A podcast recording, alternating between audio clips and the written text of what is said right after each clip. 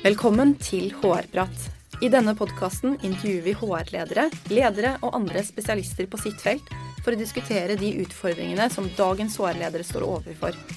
Vi tar opp temaer innen ledelse, organisasjon, arbeidsrett og praktiske utfordringer innen HR. Mitt navn er Lene Gjevert, og jeg jobber som HR-manager i Visma. Velkommen til ny episode av HR-prat. Dagens tema er The War for Talent, og for å snakke om dette har vi invitert Arne Luktu. Velkommen til deg. Takk. Kan ikke du begynne med å fortelle oss litt om deg selv? Ja, det kan jeg gjøre, vet du. Jeg, um, jeg er 48 år. Um, er uh, utdannet fra militæret opprinnelig. Teknolog derfra. Og var i militæret i syv år omtrent. Før jeg slutta med det. Um, og så begynte jeg i det private næringslivet og jobbet der i, uh, i en åtte-ni år. Mm. og begynte med rekruttering i 2006. Og siden har jeg holdt på med det, um, og begynte vel som de fleste i min bransje gjør kanskje, med litt selgere og litt teknologer etter hvert. Og så har det blitt mer og mer ledere. Mm. Uh, men som veldig mange andre deler av arbeidslivet, så har det også blitt mer og mer spesialister. Så det blir liksom litt mer av alt. Så jeg jobber mye med lederrekruttering, men også mye med fagspesialistrekruttering, da, sånn som det er i dag. Takk. Eh, The War for Talent det er jo et begrep som ble innført av McKinsey på slutten av 90-tallet, og som i senere tid har det jo det begrepet egentlig dukket opp igjen og igjen.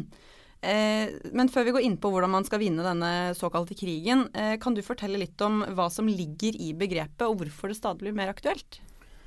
Ja, det, jeg kan i hvert fall forsøke å reflektere litt om det og si litt om hva jeg tenker om det. Ja. Um, og det er, det er, et begrep som vi stadig vekk vender tilbake til på jobben oppe hos oss også. Um, og jeg har vel uh, lenge ment at uh, jeg tror det handler om uh, spesialisering. Um, I kombinasjon med at vi er et lite land. Ja. Så vi merker det veldig godt. Og jeg tror det handler om at uh, store deler av arbeidslivet på områder som kanskje tidligere var litt sånn bredere på kompetanse, blir veldig spesialisert. Mm. Så istedenfor at uh, man nå liksom leter etter personligheter som også kan være flinke til å gjøre liksom litt bredere type arbeidsoppgaver, så, så ser vi at det kommer flere og flere uh, spesialistområder, eller behov for flere og flere spesialister innenfor veldig mange forskjellige områder. Uh, som gjør at etterspørselen etter kandidater med spesialistkompetanse blir veldig høy. Mm. Uh, og, og, det er jo ikke noe tvil om at markedet beveger seg fortere enn institusjonene greier å liksom sende kandidater ut i markedet. Uh, og da løper vi jo hele tiden etter kandidater som kommer ut med liksom den siste type kompetanse. Ja. Uh, og det tror jeg, og i kombinasjon med at nok en del kandidater som begynner å bli voksne, opplever kanskje at de blir utdatert, så, er det liksom, så blir en del av de kandidatene ekskludert fra roller som de kanskje sånn erfaringsmessig sånn uh, reelt sett er kvalifisert til. Så blir liksom alle arbeidsgiverne de løper etter de samme kandidatene. Uh, mens, uh, mens utdanningsinstitusjoner ikke greier å produsere nok kandidater. Da. ja. Men altså, lytterne de tilhører jo ulike bransjer. Er det noen spesielle bransjer du mener er spesielt utsatt for dette, eller er det spesielle kompetanser du mener eh, konkurransen liksom er særlig tilspisset rundt, eller hvor denne trenden har utviklet seg mer enn andre? Ja, jeg, jeg, tror kanskje mange, når de snakker om det nå, så tror jeg kanskje mange tenker at det er IT-bransjen som er liksom hardest rammet, hardest rammet nå. da. Ja. Uh, og, det, og, det, tror jeg nok stemmer. og det og hvis, jeg tror hvis du ser på, uh, på hvordan markedet fungerer nå, så er det ikke noe tvil om at mer og mer blir digitalt. Uh, mer og mer saksbehandling blir digitalt, mer og mer markedsføring blir digitalt. Og alt dette treffer teknologi- og IT-området veldig tungt. Mm. Uh, sånn at vi ser jo at IT-avdelingene vokser. så jeg tror mange vil kjenne seg igjen i at IT er sånn spesielt utsatt for dette, og at mange av de som de som er flinke og jobber på attraktive steder, de opplever at det er en krig om de. Ja. For de blir liksom kontaktet uh, flere ganger om dagen, noen av dere. Mm. Fra diverse selskaper og hodejegere som prøver å få tak i de. Men det er, gjelder også andre, uh, andre, bransjer. Jeg tror Hvis vi tenker på marketing som fag f.eks., så, så ser vi at de markedsavdelingene flere steder vokser, fordi de trenger spesialistkompetanse på veldig mange områder. Mm. Det, ingen, det, holder ikke å lage en fin annonse og printe den i Aftenposten og sende den, ut med liksom postbudet lenger. Så du må være mye mer spissa på målgrupper, og da blir spesialistkompetansen i marketingavdelingene stadig spissere. Ja. Så der, det, der, ser vi at det er krevende. Så mediebyråene og reklamebyråene i Norge som driver med digital markedsføring, de lever godt og har høye timepriser. Mm. Uh, jeg tror vi ser det på salg.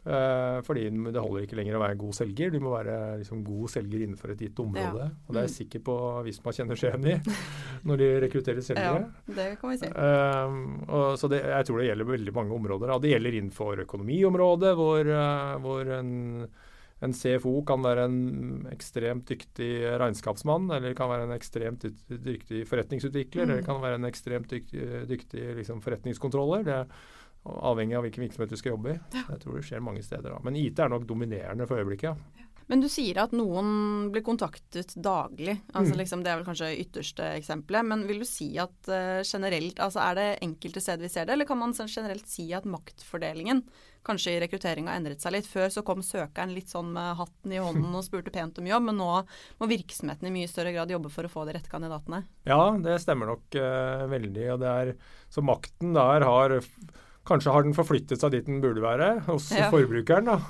Eller hos kandidaten i dette tilfellet. Og, det er, eh, og, det, og, jeg tror det er flere grunner til at, uh, at det er, uh, har skjedd. Men jeg tror også det er flere, mange grunner til at kunder, eller de som ansetter, opplever det som vanskelig. Og det er selvfølgelig fordi at de som har spisskompetanse Og akkurat nå er det kanskje skytjenester og, og sikkerhet som som liksom boomer på IT-siden. Mm. Og alle de som har den type kompetanse i, eh, i CV-ene sine eller profilene sine på LinkedIn, de blir altså bombardert med henvendelser. Så de slutter å svare. Eller de tar profilene sine helt av LinkedIn. Uh, så det blir umulig å finne. Ja. Uh, og, da, og da, man, da, blir det jo for en arbeidsgiver veldig vanskelig å, å få tak i de da. Mm. Uh, så det er klart at makten bare blir veldig stor og tung hos de som sitter med den type kompetanse. Så vi har flere eksempler nå på at kandidater som jobber med f.eks. sikkerhetsområdet, har høyere startlønner hos kundene våre enn kandidater som har like høy utdannelse, men med et annet spesialfelt. Okay. Men hva gjør man som arbeidsgiver hvis man skal rekruttere, og ja, kandidatene går helt under jorda omtrent? Ja, det, det, er et godt spørsmål. Jeg, jeg, sa for mange år siden, og det gjelder eh, eller for, for flere år siden, så sa jeg at uh, arbeidsgiveren uh, vinner aldri. da. Uh, og, jeg, og, jeg, tror jeg sa dette under finanskrisen, hvor jeg også fikk lov til å jobbe med rekruttering. Da. Det var ganske spesielt. og Det, for det, vi, det veldig mange arbeidsgivere tenkte da, var at nå er det finanskrise, nå så nedbemanner alle. Mm. Så da blir det lett å skaffe seg nyansatte for de som uh, var i det markedet. Men det de opplevde, var at kandidatene de holdt seg fast i de jobbene de hadde. Ja. Så de var ikke noe særlig villige til å flytte på seg. Ja. Så det ser vi i nedgangstider, at kandidatene de holder seg fast. Mm. Og i oppgangstider så er de veldig villige til å flytte på seg. Okay. Så, så, da er det veldig kamp om kandidatene. Så det er, de liksom, det er vanskelig å vinne da, når uh, du er arbeidsgiver. Men jeg har sagt, uh, og tror det er riktig, at man undervurderer viktigheten av å skape denne relasjonen da, okay. mellom arbeidsgiver og arbeidstaker. Mm. Og, og, med, og, med, arbeidstaker så mener jeg i entall, ikke arbeidstakere som gruppe. Mm. Fordi er, behovene og ønskene til arbeidstakere er ekstremt eh, diversifisert. Og jeg tror man må, man må, se på det litt som man ser på marketing. Uh, så hvis man ser på hvordan man gjør marketing mot forbrukere i dag, så gjør man det ekstremt spissa mot mm. liksom helt spissa målgrupper, uh, og gjerne digitalt. Uh, og skaper liksom en relevans da, og en, et forhold mellom de du vil ha tak i, og deg som som skal selge et budskap. Mm. Mens rekruttering nok i stor grad blir sett på som et HR-prosjekt. Ja. Uh, så, så, her tror jeg man har mye å lære, da, hvis man skal greie å ska, vinne men, disse. Men de som er gode på å skape denne relasjonen med arbeidstaker, mm. hva er det de gjør? Nei, jeg tror de eh, Vi har, vi har eh, eksperimentert litt på dette hos oss. Okay. Og gjort mange forskjellige øvelser på å liksom, spille inn videoer, få få ansatte hos kundene våre til å lage litt sånn uformelle presentasjoner av seg selv og prosjekter de gjør, eller vise eksempler på, på prosjekter de gjør. Øh, presentere folk som har jobbet her en stund, eller nyansatte, og liksom få det der ut øh, mediene, sånn at kandidatene kjenner seg igjen. Uh, og så tror jeg man trenger å gjøre det på alvor. altså man trenger både, Og med det så mener jeg man trenger både å være ganske massive budskapet sitt, da, og spissa samtidig. For du trenger liksom å bygge kjennskapen til deg som arbeidsgiver. Mm. Og det må du sannsynligvis gjøre ganske bredt. Samtidig som du må liksom inn og treffe kandidatene spesifikt. Ja. Og jeg tror hvis du snakker med hvis du snakker med mer, sterke merkevareselskaper i dag som driver marketing mot forbrukersegmentet, så er det Mm. dette de er gode på. ikke sant? Ja. Du, de minner deg på at det eksisterer hele tiden når du er et øye, hvor- hvor du er i kjøpsøyeblikket deres. da.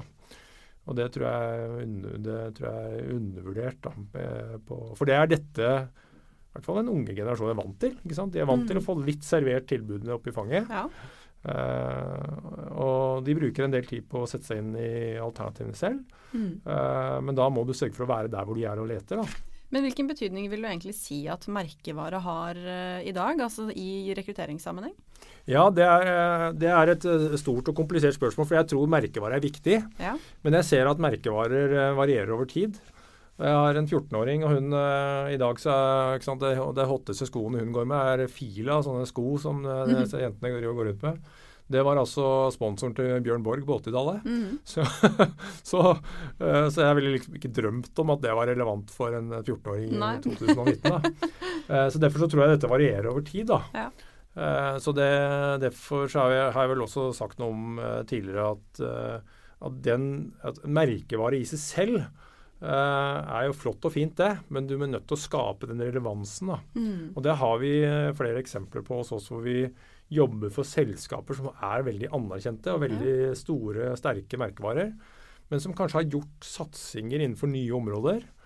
eh, Og hvor de opplever at de ikke får de får liksom ikke medvind av den merkevaren de har. Mm. Fordi at kandidatene som de leter etter, de tenker ikke på de som relevant. Nei. Eh, og da hjelper det lite, da. At du har liksom Hvis du, hvis du heter Nike, og noen skal ha, noen skal ha liksom uh, Jeg vet ikke hva det kan være. Tights, eller noe selger jo Nike tights, men det er kanskje da tenker man 2XU, eller Ja. ikke sant? Det er den der, eh, Så du må liksom skape den relevansen hele tiden. da. Og Det er nok krevende. Mm. Så merkevare er viktig. Men, eh, men fordi alt er blitt digitalt, så kan, de, så kan man være både mer sær når man plukker, Mm. eh, og da må, må arbeidstakeren også være mer spisset på budskapet. Da vinner kanskje relevans og relasjon over merkevare i seg selv? Ja, det, Ja. Tror jeg, det tror jeg helt klart. Fordi jeg tror liksom ikke disse store, svære sånn føle på markedskampanjene som mange selskaper kjørte før, de er det ikke så mange som verken har råd til eller gjør kanskje lenger. da. Eh, så jeg tror eh, vi snakker med kandidater på spesialområder, så har de veldig sterke relasjoner til enkeltselskaper Mm. som eh, kompisen deres som studerte et annet fag, ikke har hørt om. Ja. ikke sant? Og de bor på Grünerløkka begge to, men de har bare ikke, ikke sant? De, Oppi hodet deres så tenker de bare ikke Ja. tanken. Ja, Ikke sant. Men hva er det talentene i hovedsak eh, går etter? Altså Skiller talenter seg etter eh, altså på noe vis fra andre typer kandidater? Hvis man eh, Du var litt inn på dette med talenter i stad, liksom Ja. spesiell kompetanse. Ja, vi er opptatt av talenter, da. Og jeg, jeg, tenkte litt på det på vei hit. Så tenkte jeg at hvordan vet vi egentlig at folk er talenter? ja. Ikke sant? Fordi at eh, det er ikke så lenge siden dere hadde en podkast om rekruttering, og han eh, sa vel at eh, de fleste virksomheter er veldig dårlige til å måle medarbeidersuksess. Mm. Så, ikke sant? så når vi intervjuer kandidater, så er det jo ingen som gjør en dårlig jobb. Nei. Hvis du, hvis du intervjuer en selger, så har alle nådd budsjettene sine, ikke sant? og alle programmerere er kjempedyktige. og så alle er veldig gode. Um, og vi har ikke tilgang til skoleresultatene til kandidater når vi velger, når vi søker de. Så hvem er det som er talenter? Det tror jeg kanskje er, eh, det er eh, vanskelig å finne ut av. Mm. Uh, men når vi da har eh, La oss si at vi da greier å få kandidater, eller få liksom opp, objektiv informasjon om kandidater og deres jobbsuksess, så, så, tror jeg, eh, så tror jeg ikke de er drevet av andre ting enn andre kandidater. For, liksom, for jeg tror jo de fleste virksomheter de trenger én eller to supertalenter, så trenger de liksom eh, 70% folk som er rimelig gode. Ja. Og færrest mulig av de som lager, lager, gjør en dårlig- jobb. Da. Mm. Um, Sånn sett kan man nesten si at war for talent-begrepet kanskje ikke passer helt. Ja, og, og det kan man Ja, jeg tror, jeg tror jo Derfor så kanskje krigen om talent, eller krigen om spisskompetanse er mer Ja. treffende. Men det er eh, fordi Og så er det sånn at uh, en person som er kjempedyktig i en stor byråkratisk, hierarkisk organisasjon, Mm. kan være hjelpesløs i en norsk i en mellomstor bedrift med 35 ansatte, Ja. og, og, og hvor eieren eh, har ansatt halve slekta i selskapet. Liksom. Det, er, Ja. det er to helt forskjellige verdener, da, så du må liksom kunne se forskjell på det også. Mm. Men de som får eh, ja, daglige tilbud og som er ettertrakta, som opplever at det bare står på rad og rekke, hva er det de går etter? Ja, jeg tror eh, når man har muligheten til å velge på øverste hylle, så velger man jo på øverste hylle, da. Mm. Eh, Men jeg tror man skal passe seg, og det er derfor jeg sier dette med Avbryter jeg meg selv, da, men det er derfor man, man skal passe seg for å, eh, for å liksom gå bombastisk bredt ut med et budskap som bare irriterer de som ikke er eh, interessert. Ja. Eh, fordi da tror jeg man bare dytter de fra seg. da. Mm. Eh, Så jeg tror man må prøve å være smart, og, og de som er skarpe, gode talenter, som har gode hoder, de, de er smarte nok til å liksom velge vekk. Og, og jeg er bra sikker på at de, de har satt opp eh, alle sosiale appene sine, sånn at de liksom, alt det de ikke er interessert i, det får de ikke, blir de eks- eks- eksponert for. da. Mm. Så du er nødt til å treffe det. Så det, kanskje er de mer bevisste av det, nettopp fordi de blir bombardert av budskaper om, eh, om alle mulige jobber de kan få. Så, det, så, skal du, så jeg tenker man, skal være, man, må man må være smartere. Jeg, eh, jeg har også sagt noe om at du må liksom eh, Du må på en måte treffe kandidaten på deres hjemmeområde. ikke sant? Og Mm. matche kandidatene med, med den som sender budskapet. Og da må du prøve å sette deg litt inn i den skolen de står i. da. Mm. Og så nå igjennom den der eh, muren av markedsføring Ja. eller, eller henvendelser de blir utsatt for. Men Hvis man har den kommunikasjonen på plass, hvordan skal du da liksom konkret eh, altså finne talentene og faktisk lykkes med å ansette de? Eller spisskompetanse, eller hva vi nå Ja, skal kalle ja, disse ja, menneskene vi er på jakt etter? Jeg tror vi lykkes med det fordi vi, eh, vi greier å gi det tid. Mm. Uh, Vi prøver, når vi gjør denne jobben, da, som vi jobber med, vi jobber med det hver dag, så forsøker vi å tilnærme oss de litt forsiktig. Eh, og ikke mase på de for mye. Sende de liksom sporadisk informasjon om det vi gjerne vil fortelle de. Og så følge det opp uh, sånn relativt tidsmessig. Det betyr at eh, det betyr at det sannsynligvis den der, hva skal jeg si, den der oppvarmingsperioden av disse kandidatene tar litt lengre tid enn det de fleste arbeidstakere er komfortable med. Mm. Og så når de da når de da biter på agnet, så må man være rask på ballen. Ja. Og jeg opplever vel kanskje at eh, mange arbeidstakere mm, de er, de er helt i motfase her. De har det veldig dårlig tid fordi de har fått godkjent en eller annen headcount eh, fra noen høyere opp i linjen. Og Mm. da har de egentlig hatt behov et halvt år. Og så, Ja. og så er, de, har de veldig, er de veldig utålmodige etter å få tak i kandidater. Og så når kandidatene først havner i prosess, så tar det veldig lang tid. ja. Og da er kandidaten egentlig vært i tankeboksen i flere uker og kanskje måneder. Mm. Og har egentlig, ønsker egentlig bare å få tatt et valg, da. Ja. Så jeg tror akkurat den her eh, Det å sette seg inn i deres sko, eh, sko eller seg, eh, stille seg i deres sko, da, og så greie å liksom gi dem tilstrekkelig med informasjon og reagere fort når de faktisk er interessert. Det er, kan være krevende. og Det betyr at du trenger en dialog med det. Ja. Og det så det jobber vi med for å få til. Og det er jo krevende, for det krever Mm. mye ressurser. Ja. Mm. Man kan jo nesten bli litt svett når man hører at eh, mange kandidater opplever å få tilbud på daglig basis, og kanskje med flere tilbud. Eh, er det noe spesielt eh, man kan gjøre, de som kanskje hører på, som kjenner at eh, hjelp, jeg har liksom noen som jeg virkelig burde passe på. Hva er det de bør være obs på som kanskje gjør at man kan miste disse ansatte man er særlig opptatt av å beholde? Ja, jeg, jeg tror eh, Nå kan det sikkert høres ut som det er litt hakk i plata på meg, da, for jeg tror, eh, jeg tror veldig mange arbeidsgivere er gode til å ha sånne store sånne medarbeiderprogrammer Ja. med, med medarbeidersamtaler og coachingsamtaler og én-til-én-samtaler. Og så er jeg forbløffet over å høre hvor få kandidater som kan fortelle meg hva er det de får tilbakemelding om at de, må, de er gode på, og hva er det de får tilbakemelding på at de trenger å forbedre. Ja. Så det kan virke litt som at disse programmene er sånne store generiske programmer som går, Mm. og som noen ledere har fått noen kopier på at de skal gjennomføre. Og så blir de relativt lite konkrete, da. Mm. Og jeg tror eh, at eh, skal du greie å beholde disse, eh, disse folkene, så er de opptatt av å utvikle seg. Mm. Og da trenger de tilbakemelding på hva de kan utvikle seg innenfor. Ja. Og de trenger tilbakemelding på hva slags muligheter som finnes her. Mm. Og så tror jeg de trenger å høre relativt ærlig at eh, vet du hva, de mulighetene finnes ikke her. Så, så da får, de, får man lage en plan for, eh, for det, da. For det er, eh, jeg tror ikke man må gå litt vekk ifra at man skal ha et sånn livstidsperspektiv på kandidater og bli skuffa når de slutter. Ja. Fordi de kommer til å slutte. De aller fleste kommer til å ja, slutte. det er jo sånn. Så det tror jeg er eh, det beste rådet jeg kan gi, tror jeg. At man greier å etablere en sånn reell én-til-én-samtale med, med disse de man virkelig vil beholde. Ja. Og sørge for at, de, at man vet hva som, hva som driver de. Eh, hvordan ser hverdagen deres ut? Hva er de motivert av? Og hva tenker de liksom i neste skritt? da. Mm. Men eh, jeg er ikke helt ferdig med å dra ut råd fra deg, for vi skal egentlig runde av nå snart. Men før vi gjør det, har du noen råd du kan gi til, til de som hører på, hvis de skal lykkes i kampen om eh, talentene? Ja, jeg tror, jeg tror eh, eh, man må se på med, liksom, med, med, alvor på akkurat dette her med hvordan man tilnærmer seg de kandidatene man har ekstremt behov for å tiltrekke seg. Da. Mm. Eh, og se på det som en større, et større prosjekt enn et HR-prosjekt, Ja. som handler om å få folk om bord. Og det har vi jobbet en del med, og noen er kjempeflinke til det.